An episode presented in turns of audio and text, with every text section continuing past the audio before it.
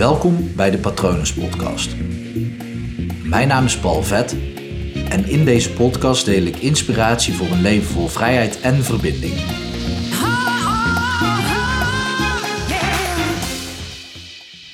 Je brein heeft moeite met het registreren van ontkenningen. Klinkt ingewikkeld, maar ik ga het natuurlijk even uitleggen. Vorige week zaterdag, ik moet even bedenken welke dag het nu is eh, met al die feestdagen tussendoor. Maar vorige week zaterdag was het 21 december. En was het gevecht van de eeuw, zo werd het aangekondigd. Rico Verhoeven versus Badr Hari.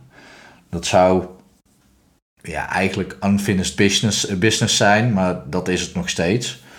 Uh, maar ik vind het wel geweldig hoe dat, hoe dat ze die spanning weten op te bouwen. En um, ik heb Badder zelf niet gevolgd, maar Rico wel op Instagram. En ik vind het gewoon heel vet hoe een topsporter na zo'n moment toeleeft. Dat hij er alles aan doet, dat alles klopt om daar op dat moment in dat gevecht vijf ronden van volgens mij drie minuten op zijn top te presteren. En daar ga ik gewoon op aan. Dat, dat zit in mij. Ik hou van winnaars. Ik hou van topsport.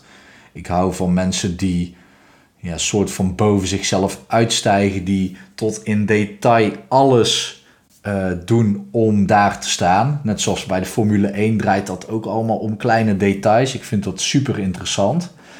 Um, ja, dat, dat trekt mij gewoon. Dus dat, dat gevecht kwam er aan en ja, waarschijnlijk weet je wel hoe het is afgelopen. Rico heeft gewonnen omdat Badder uh, wederom geblesseerd raakte. Um, maar ik volgde dus de documentaire van Rico. Dus los van zijn Instagram kanaal is er ook een uh, real life soap rondom Rico. Nou vind ik niet alles uh, daarin interessant. Maar vooral de voorbereiding op dat gevecht vind ik vet om te volgen. Sowieso heel veel respect voor die man om wat hij heeft bereikt. En ja, ik heb een aantal podcasts ook met hem beluisterd en ik weet wat hij er allemaal voor heeft moeten laten. Dat zie je ook in die documentaire. Uh, dat hij gewoon bepaalde dingen echt gewoon niet kan doen. En dat hij ook gewoon een shitty verleden heeft.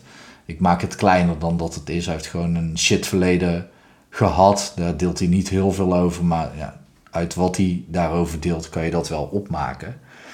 En waarom ik er ook zo lang over doe om tot het punt te komen waar ik naartoe wil, is omdat ja, zo'n gevecht bij hem, dat, ja, hij weet dat maanden vooraf, hij is altijd al aan het trainen om op gewicht te blijven en om in de juiste conditie te blijven en om misschien zelfs beter en sneller te worden. Uh, daar heb je ook vast wel iets voorbij zie, uh, over voorbij zien komen.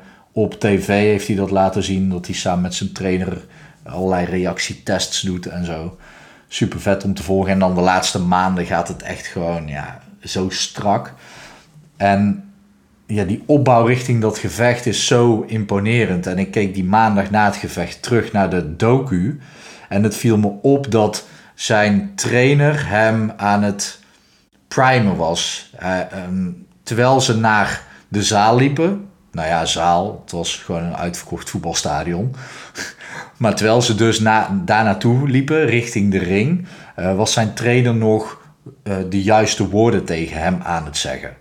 En wat me heel erg opviel daar, was dat op een gegeven moment die trainer echt gewoon net, ja, of dat het nou één minuut van tevoren is geweest of een paar minuten van tevoren, Rico was in zijn focus.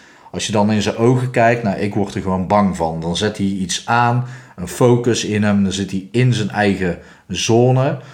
Ehm, ik geloof dus dat zijn hersengolven een bepaalde activiteit hebben daar. Dat hij echt gewoon afgezonderd is van alle ruis om hem heen en zich alleen focust op de stem van zijn trainer. Nu volg ik zelf een opleiding tot hypnotherapeut en daarin leer ik de kracht van taal, de kracht van suggestie, maar ook mensen natuurlijk in trance brengen of onder hypnose brengen. Um, aan de andere kant, nou ja, je moet maar een keer de aflevering over hypnose checken om even precies te weten wat dat is. Maar dus net voordat Rico oploopt, naar de ring toe gaat, zegt zijn trainer letterlijk tegen hem: laat je niet opfokken, laat je niet imponeren. En aan het begin van deze aflevering begon ik al met: je brein heeft moeite met het registreren van ontkenningen op het moment als je dan ook nog in zo'n staat van zijn verkeert, zo'n hypnotische staat waarin je ontvankelijk bent voor suggesties en er wordt tegen je gezegd: laat je opfokken, laat je imponeren. Ik laat expres het woordje niet weg, want dat is wat je onbewust registreert. Dat is volgens mij niet heel erg handig. Dat het is beter om bijvoorbeeld te zeggen: jij imponeert iedereen, of jij imponeert Badr Hari, of uh, jij doet imponerend. Dat kan ook nog. Klinkt een beetje gekunsteld. gekunsteld. Um, beter zou het nog zijn wanneer Rico zelf dat zou zeggen. Ik imponeer iedereen. Uh, maar volgens mij heeft hij juist in zijn hoofd dat hij niet spreekt op zo'n moment. Dat hij helemaal niet meer praat. Um, dus wanneer zijn gedachten zouden zijn: ik imponeer iedereen, is dat veel beter dan wanneer een trainer tegen hem dus zegt: laat je opfokken, laat je imponeren. Want dat is wat zijn brein registreert. Dus ik denk dat daar voor Rico nog wat winst te behalen valt. Uh, in het artikel heb ik hem getagd, dus ik weet niet of dat hij het leest, want hij zal wel onnoemelijk vaak getagd worden. Uh, nou goed, wie weet.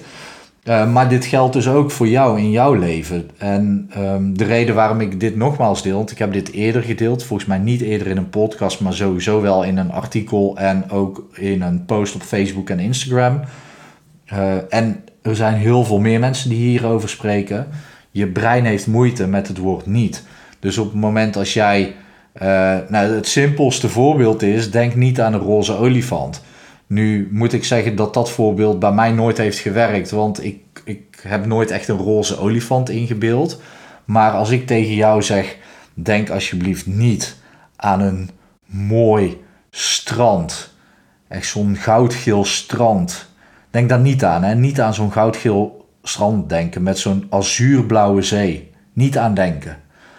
Dat je daar dus ligt in zo'n in zo'n ja, zo'n bed, zo'n strandbedje. En uh, er worden cocktails gebracht. En er zijn mooie, fijne mensen. En een muziekje, een band speelt voor jou. Denk daar alsjeblieft niet aan. Dat is nagenoeg onmogelijk. Ik, ik zie mezelf al liggen op dat strand. Dat, dat is wat de lading van woorden met je doet. Daar gaat het eigenlijk meer om. Het woord niet heeft dusdanig, uh, dusdanig weinig lading.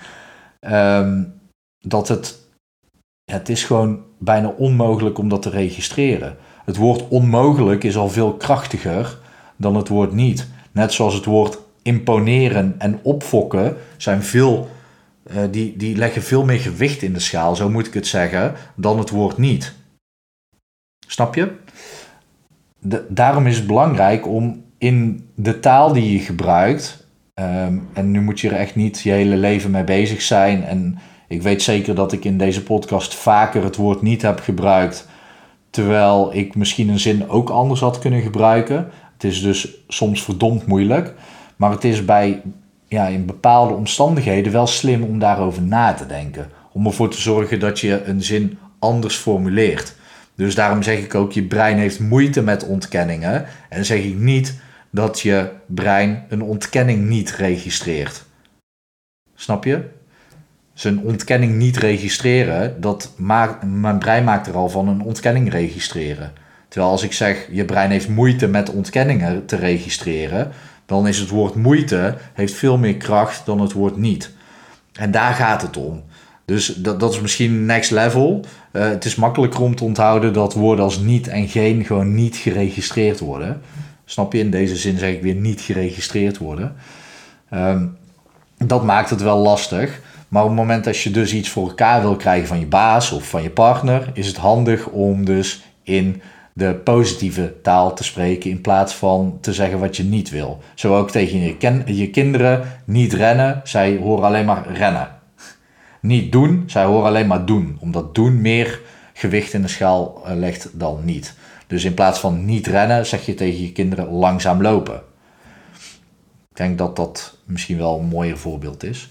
Dus uh, Rico, als je kijkt of luistert, uh, doe er je voordeel mee. Schakel een hypnotherapeut in. Tegen die tijd dat je nieuwe gevecht eraan komt, dan heb ik mijn opleiding afgerond. Ga ik vanuit, dus uh, bel me. Er zijn ook echt wel uh, hele goede hypnotherapeuten die dit al veel langer doen, die jou misschien daar ook bij kunnen helpen. En één geheim, er is iemand in de inner circle van Badr Hari die uh, gebruik heeft gemaakt van een hypnotherapeut. Dus dat, uh, dat is misschien interessant om te weten. Ik weet niet of dat, dat echt een geheim is, want anders zou ik het niet weten. Maar uh, doe er je voordeel mee, zou ik zeggen. Ik ben benieuwd of dat jou dit ook weer aan het denken zet. zet. Uh, de luisteraar of de kijker bedoel ik dan niet specifiek Rico. Want dit is natuurlijk voor iedereen van belang. En of dat je hier ook op gaat letten. Mocht je moeite hebben met zinnen, dat je denkt, ja, hoe kan ik dit dan zeggen? Laat het me weten. Stuur me even een berichtje op patronen.palvet.com. Praat mee via alle social media kanalen. Ehm, denk aan Instagram, Facebook, LinkedIn. Je kan me gewoon zoeken op Paul Vet. En ga anders even naar mijn website toe, www.paulvet.com. En ik zou het leuk vinden als je me iets laat weten. Uh, of dat je je moeite mee hebt, of dat het je al goed afgaat. En um, als je het dus lastig vindt om een bepaalde zin om te buigen of om te bouwen. Uh, check ook vooral even de aflevering over affirmaties voor gevorderden. Ik heb daar ook een uitgebreid artikel over geschreven. Dat, uh, dat gaat je zeker helpen. Ik hoop dat het goed met je gaat en ik wens je nog een hele mooie dag toe. Hoi!